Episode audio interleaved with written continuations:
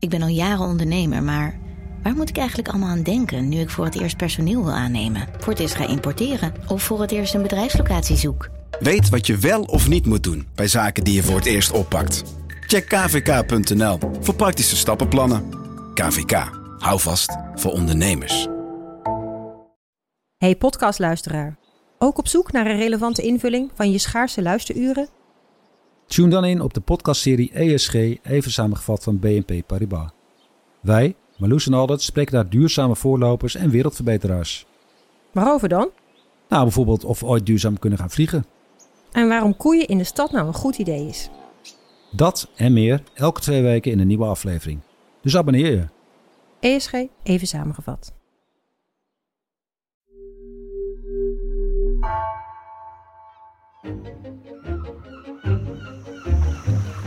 Welkom. Wij zijn Onbehaarde Apen. Dit is een zomerpodcast van NRC over het begin. Deze week zoeken we naar het begin van het leven.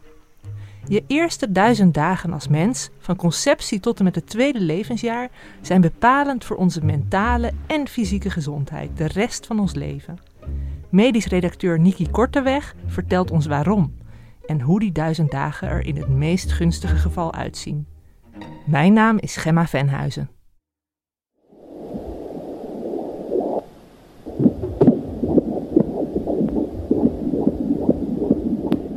Niki, volgens mij herken ik dit geluid als het kloppende hartje van een baby in de moederbuik. Ja, dat klopt, letterlijk. Je hoort het hartje van een embryo hier kloppen. En na twaalf weken zwangerschap uh, kan een verloskundige dat horen met een doptoon. En je kunt het ook zien kloppen op de echografie die je dan krijgt. Maar dat hartje van een embryo, dat begint al veel eerder te kloppen. Al drie weken na de bevruchting. Dat embryo is dan nog maar een paar millimeter groot, echt formaat appelpitje. Maar de ontwikkeling van dat kind is al in volle gang. En hoe dat prille begin verloopt, dat is bepalend voor de rest van het leven. En daar gaan we het vandaag over hebben. Je eerste duizend dagen als mens. En die beginnen dus al op het moment van de bevruchting. En Nicky, kun je ons meenemen? Wat gebeurt er allemaal in die duizend dagen? Ja, het is echt zo fascinerend dat in die eerste duizend dagen groeien van één bevruchte eicel, die je met het blote oog nog maar net kan zien, groeien uit tot een compleet mensje van twee jaar. Een peuter die eet, drinkt, de eerste stapjes zet, de eerste woordjes praat en bij wie alle organen al zijn aangelegd. En die peuter heeft zich al gehecht aan zijn ouders of zijn verzorgers. Die heeft al een begrip van oorzaak en gevolg. En, en al voorkeuren voor eten. Sommige eten vindt hij lekker en andere niet. We worden letterlijk gevormd in die duizend dagen. En nooit in je leven maak je zo'n snelle ontwikkeling nog mee als in deze eerste periode. En dat maakt dus het een hele flexibele, dynamische tijd, maar het maakt ook kwetsbaar. Ja, want later inderdaad, hè, ik bedoel, natuurlijk puberteit en, en, en volwassenwording zijn ook wel grote overgangen, maar toch veel minder uh, drastisch dan deze eerste duizend dagen. Ja, dit gaat heel snel. Alles wordt aangelegd. In die eerste drie maanden van de zwangerschap bijvoorbeeld, dat eerste trimester, worden alle organen al aangelegd. Na acht weken bijvoorbeeld is dat hart, wat we net hoorden, aangelegd. Dan komen er geen hartspiercellen meer bij. Dus daar moet je de rest van je leven mee doen. Uh, in het tweede trimester krijg je dan een hele sterke groei, die ja, organen en dan weefsels. is het geen, geen appelpitje meer ook? Nee, dan, dan wordt het al uh, wat groter. Um, en in het derde trimester, uh, ja, het blijft natuurlijk groeien, maar je krijgt ook uitrijping nog van de longen bijvoorbeeld. Die, die krijgen dan longblaasjes. Uh, kinderen die te vroeg geboren worden, dus uh, na dat tweede trimester, die moeten dan in de couveuse, omdat die longen nog verder moeten uitrijpen. En te vroeg geboren kinderen, die lopen ook hoger risico op, op darm- en longproblemen om die reden, omdat nog niet alles is uitgerijpt. Nou ja, dan heb je na de geboorte, heb je natuurlijk groei en ontwikkeling van, van het hele lijfje. Um, maar ook is in het eerste levensjaar een veilige hechting met de ouders of verzorgers heel belangrijk. Um, ja, daar hadden we het laatst met Hendrik ook al even over. Over de, de herinneringen en zo die je eigenlijk, of het soort je, je, je, je blueprint die je dan opbouwt. Ja, dat eerste jaar is heel belangrijk.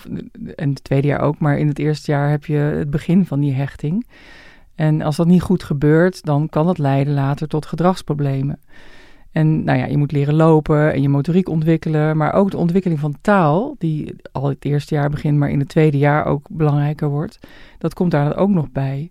En uh, ja, een kind dat, dat beperktere taal ontwikkeld heeft, dat, dat, heb, dat loopt natuurlijk al een achterstandje op als het naar de kleuterschool gaat. Als je beter kan uitdrukken als driejarige, dan, dan krijg je gewoon meer gedaan in de wereld.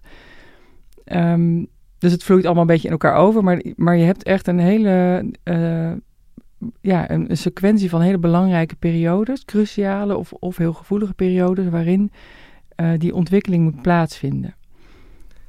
Als ik dat zo hoor, dan, dan lijkt me dat het nogal voor wat druk bij, bij de ouders en dan, dan vooral misschien bij de moeder van het kind zorgt. Want uh, hè, als, haar gezondheid zal dan ook wel weer van invloed zijn op de ontwikkeling van het kind.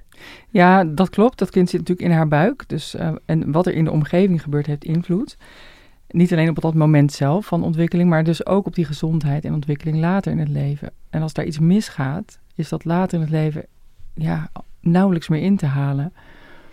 En van een paar dingen weten we natuurlijk al heel lang dat ze een slechte invloed hebben op de zwangerschap en het kind. Hè. Roken, alcohol drinken, drugs gebruiken, slechte voeding of te weinig voeding, uh, te weinig foliumzuur. Um, oh ja, die moet je als vrouw, als je zwanger wil worden, moet je die al een paar maanden van tevoren gaan slikken, geloof ik. Hè? Ja.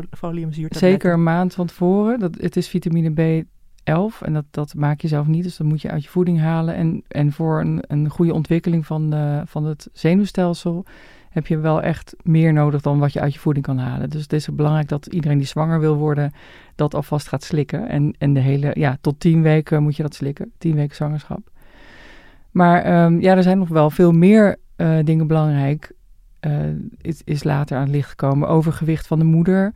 Uh, armoede in het gezin, een slechte leefomgeving, veel stress, stressvolle situaties van de moeder of van het kind die kunnen ook grote gevolgen hebben in deze duizend dagen. En die dingen verhogen tijdens de zwangerschap bijvoorbeeld al allemaal het risico op te vroeg geboren worden van het kind en op een te laag geboortegewicht. En ja, wat een impact zo'n slechte start eigenlijk heeft, uh, is pas goed duidelijk geworden dankzij het hongerwinteronderzoek. De Amsterdamse onderzoekster Tessa Rozenboom die volgt al 25 jaar mensen van wie de moeder zwanger was tijdens de hongerwinter in 1944 en 1945 hè, de laatste jaar van de oorlog hier in Nederland. En die mensen die, die vooral in het eerste trimester van de zwangerschap in de buik zaten van een moeder die, die honger had, die hebben decennia later een grotere kans op hart- en vaatziektes, op suikerziekte, longproblemen. Ze hebben vaak een kleiner brein, uh, cognitieve problemen. Ze nemen ook minder deel aan de arbeidsmarkt. Dus het, dat echt, laat zien. Echt, ja, wat, wat in dat allereerste prille begin gebeurt, dat heeft dus de rest van je leven uh, heel verregaande invloed. Dat blijkt nu, ja. En hoe komt het dat een kind dat verwekt is in die hongerwinter, dan dat het eigenlijk pas zo, zo laat misschien, um, hoe zeg je dat, aan de oppervlakte komt, uh, die bepaalde ziektes? Ja, daar, daar is dus veel onderzoek wordt daar nu naar gedaan. En het komt vermoedelijk door epigenetische invloeden. En um, ja, je DNA met daarop alle genen die coderen voor alles wat in je, in je lijf nodig is. Dat ligt vast in iedere cel, dat kennen we wel.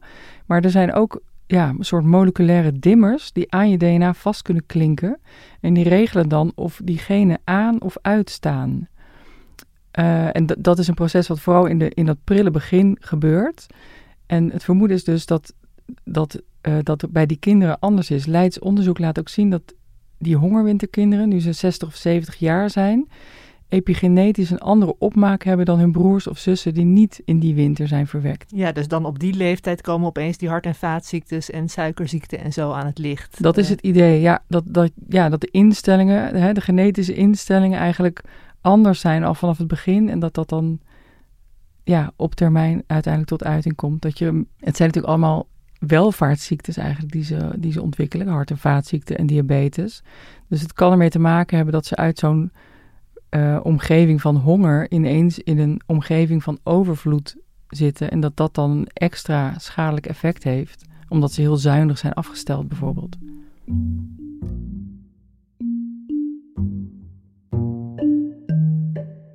Nicky, kun jij schetsen hoe de meest ideale eerste duizend dagen eruit zien? Ja, in de ideale wereld roken beide ouders niet en drinkt de moeder geen alcohol, gebruikt ze geen drugs, maar wel al vanaf het begin en eigenlijk daarvoor al foliumzuur. Ze is niet te dik, ze beweegt genoeg, ze heeft geen verhoogde bloeddruk of schildklierhormoonafwijkingen. De ouders hebben allebei geen psychische problemen, ze eten gezond, groente, fruit, eiwitten. Die moeder eet geen rauwmelkse kaas natuurlijk. Ze wonen op een veilige plek, in een gezonde omgeving. Ze hebben weinig stress door bijvoorbeeld armoede of ruzies, of door de druk van een carrière of door geldproblemen.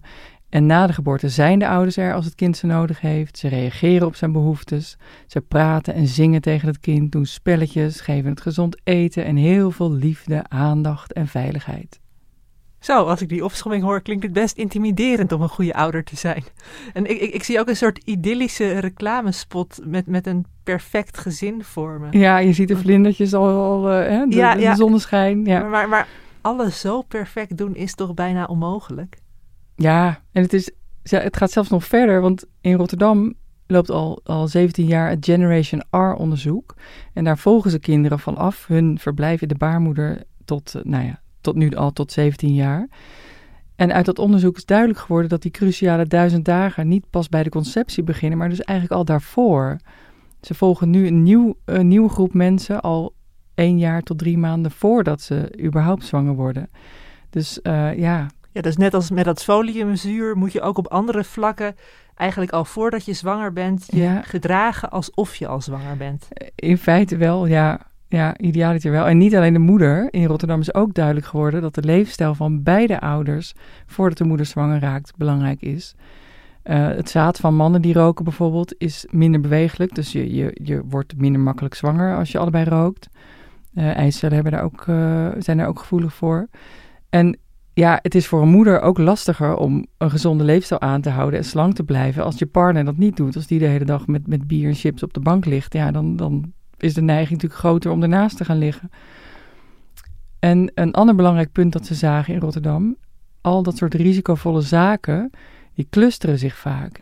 In een gezin met geldproblemen is, is de moeder vaker te dik, eh, eh, de ouders roken allebei, of ze drinken, er is minder gezond eten. Eh, er zijn vaker psychische problemen of geweld. Ouders zijn soms minder beschikbaar voor een kind door al dat soort stressvolle zaken. En bij een derde van de deelnemers in Rotterdam spelen één of meer van die risicofactoren. En al die dingen hebben dus een enorme impact op het leervermogen van het kind later, de ontwikkeling, gedrag, eventuele gedragsproblemen, de kansen op de arbeidsmarkt, de gevoeligheid voor ziektes. Dus er is een wereld te winnen met het helpen van ouders om een kind zo goed, een zo goed mogelijke start te geven. Als ik het zo hoor, dan klinkt het alsof het vooral een probleem is dat in wat armere sociale groepen speelt. Is dat ook zo? Nee, zeker niet. Eh, armoede is absoluut een risicofactor. Hè, in arme landen eh, heb je natuurlijk veel meer hiermee te maken, maar ook in Nederland. Als jouw wiegje in het centrum van Amsterdam staat, is de kans dat je je geboorte overleeft twee keer zo groot als wanneer het een paar meter haltes verderop staat in de Bijlmer. Echt? Oh, dat is wel een bizar verschil Ja. al meteen. Ja, maar het speelt zeker niet alleen in achterstandswijken, want er zijn genoeg hoger opgeleide zwangere vrouwen die te vroeg bevallen. Eh, hè, ook in alle lagen van de bevolking komen financiële zorgen voor, eh, psychische problemen, depressies, geweld achter de voordeur. Dat, dat, eh, dat houdt zich niet aan, aan dat soort grenzen. En vlak ook vooral de stress niet uit die ambitieuze jonge vrouwen op hun werk hebben. Hè, je wil vooruit in je werk. Vaak werken ze, werken ze gewoon lang door en misschien wel onder hoge druk. Ehm, na de geboorte zijn ook ouders die allebei hard werken overvraagd en misschien heel geïrriteerd. Die hebben misschien ook niet genoeg aandacht voor een kind eh, na het werk. En kun je dan zeggen dat eigenlijk de manier waarop we onze huidige maatschappij hebben ingericht, hè, met, met veel waardering voor ambitieuze mannen en vrouwen, dat die haaks staat op een optimale start voor kinderen? Nou ja, ik sprak een, een arts, eh, een kinderarts uit Rotterdam, die, die vond wel dat ons systeem wat dat betreft niet helemaal optimaal is. Hij vond dat ambitieuze vrouwen, bij hem, bij hem op het werk zag hij dat al, die zouden eigenlijk tegen zichzelf in bescherming moeten worden genomen. Zodat ze ja, misschien toch iets eerder stoppen of iets eerder wat gas terugnemen of minderen met werk. Ja, en, en meerdere onderzoekers die ik sprak, die vonden het rijkelijk laat dat pas in juli vorig jaar het vaderschapsverlof eindelijk is uitgebreid. Dat was eerst twee dagen na de geboorte. Daarna moest die vader weer aan het werk. En dat is nu gelukkig eh, veranderd. De vader heeft nu het recht op aanvullend geboorteverlof van vijf weken. En eh, ja, dat is hard nodig natuurlijk, want ook de vader heeft zijn taken. Ook aan hem moet het kind zich kunnen hechten. En eh, ja, die eerste met name die eerste maanden na de geboorte is natuurlijk een enorme drukke tijd voor jonge ouders. Dus dat is heel belangrijk dat die vader daar ook uh, aanwezig kan zijn. Ja, dan is die vijf weken eigenlijk nog best wel kort als je er zo over denkt. Ja. Hey, en dat, dat ideale beeld dat je schetst, dat, dat is dus lang niet altijd haalbaar, uh, voor, in wat voor milieu dan ook.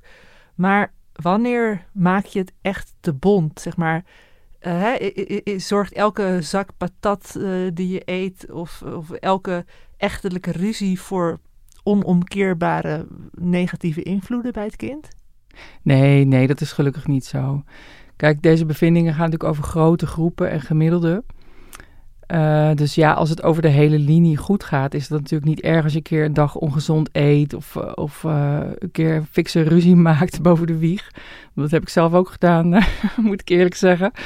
Um, maar hè, dus in die zin is zo goed mogelijk goed genoeg. Het gaat echt om langdurige blootstelling aan, aan dit soort risicofactoren.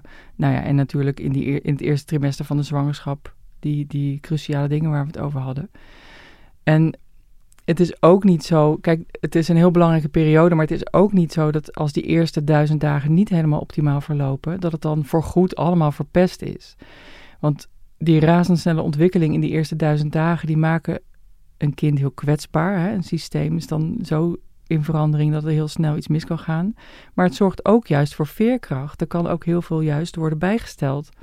Kinderen met één long bijvoorbeeld, die kunnen nog best zangeres worden. Er is een, van de zangeres van O'Gene, die zangeressengroep, die heeft maar één long. Uh, en ja, als je bij een volwassene een long weghaalt, is dat veel ingrijpender. Dus dat laat zien dat, dat zo'n kinderlichaam ook weer heel flexibel met zo'n ja, tekortkoming uh, kan omgaan. Dus het is zeker niet zo dat alles verloren is, maar het geeft wel aan hoe belangrijk die eerste periode is voor de, voor de hele latere ontwikkeling van een kind. Dus er valt heel veel te winnen als we die zo voor zoveel mogelijk mensen zo optimaal mogelijk kunnen laten verlopen. Nou, dankjewel Nikki voor deze heldere uitleg. En ik vind het toch ook wel een opluchting om te horen dat we niet per se altijd alles helemaal perfect uh, hoeven te doen. Uh, wie nog meer hierover wil lezen, die kan dat komende zaterdag ook in de wetenschapsbijlage van NRC uh, nog eens nalezen. Bedankt ook Else van Driel voor de productie en Jeppe van Kesteren voor de zomermuziek. En um, de Onbehaarde Apen aflevering van volgende week sluit mooi aan op die van vandaag. Want dan horen we of de vroeggeboren baby's ook in een kunstbaarmoeder door kunnen groeien. Tot dan!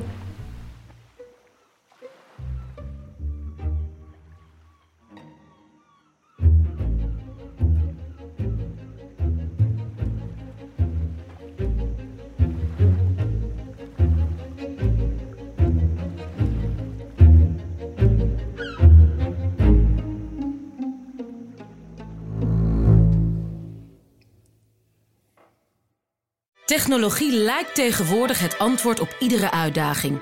Bij PwC zien we dit anders. Als we de potentie van technologie willen benutten, kunnen we niet zonder een menselijk perspectief. Human-led, tech-powered noemen we dat. Ga naar pwc.nl.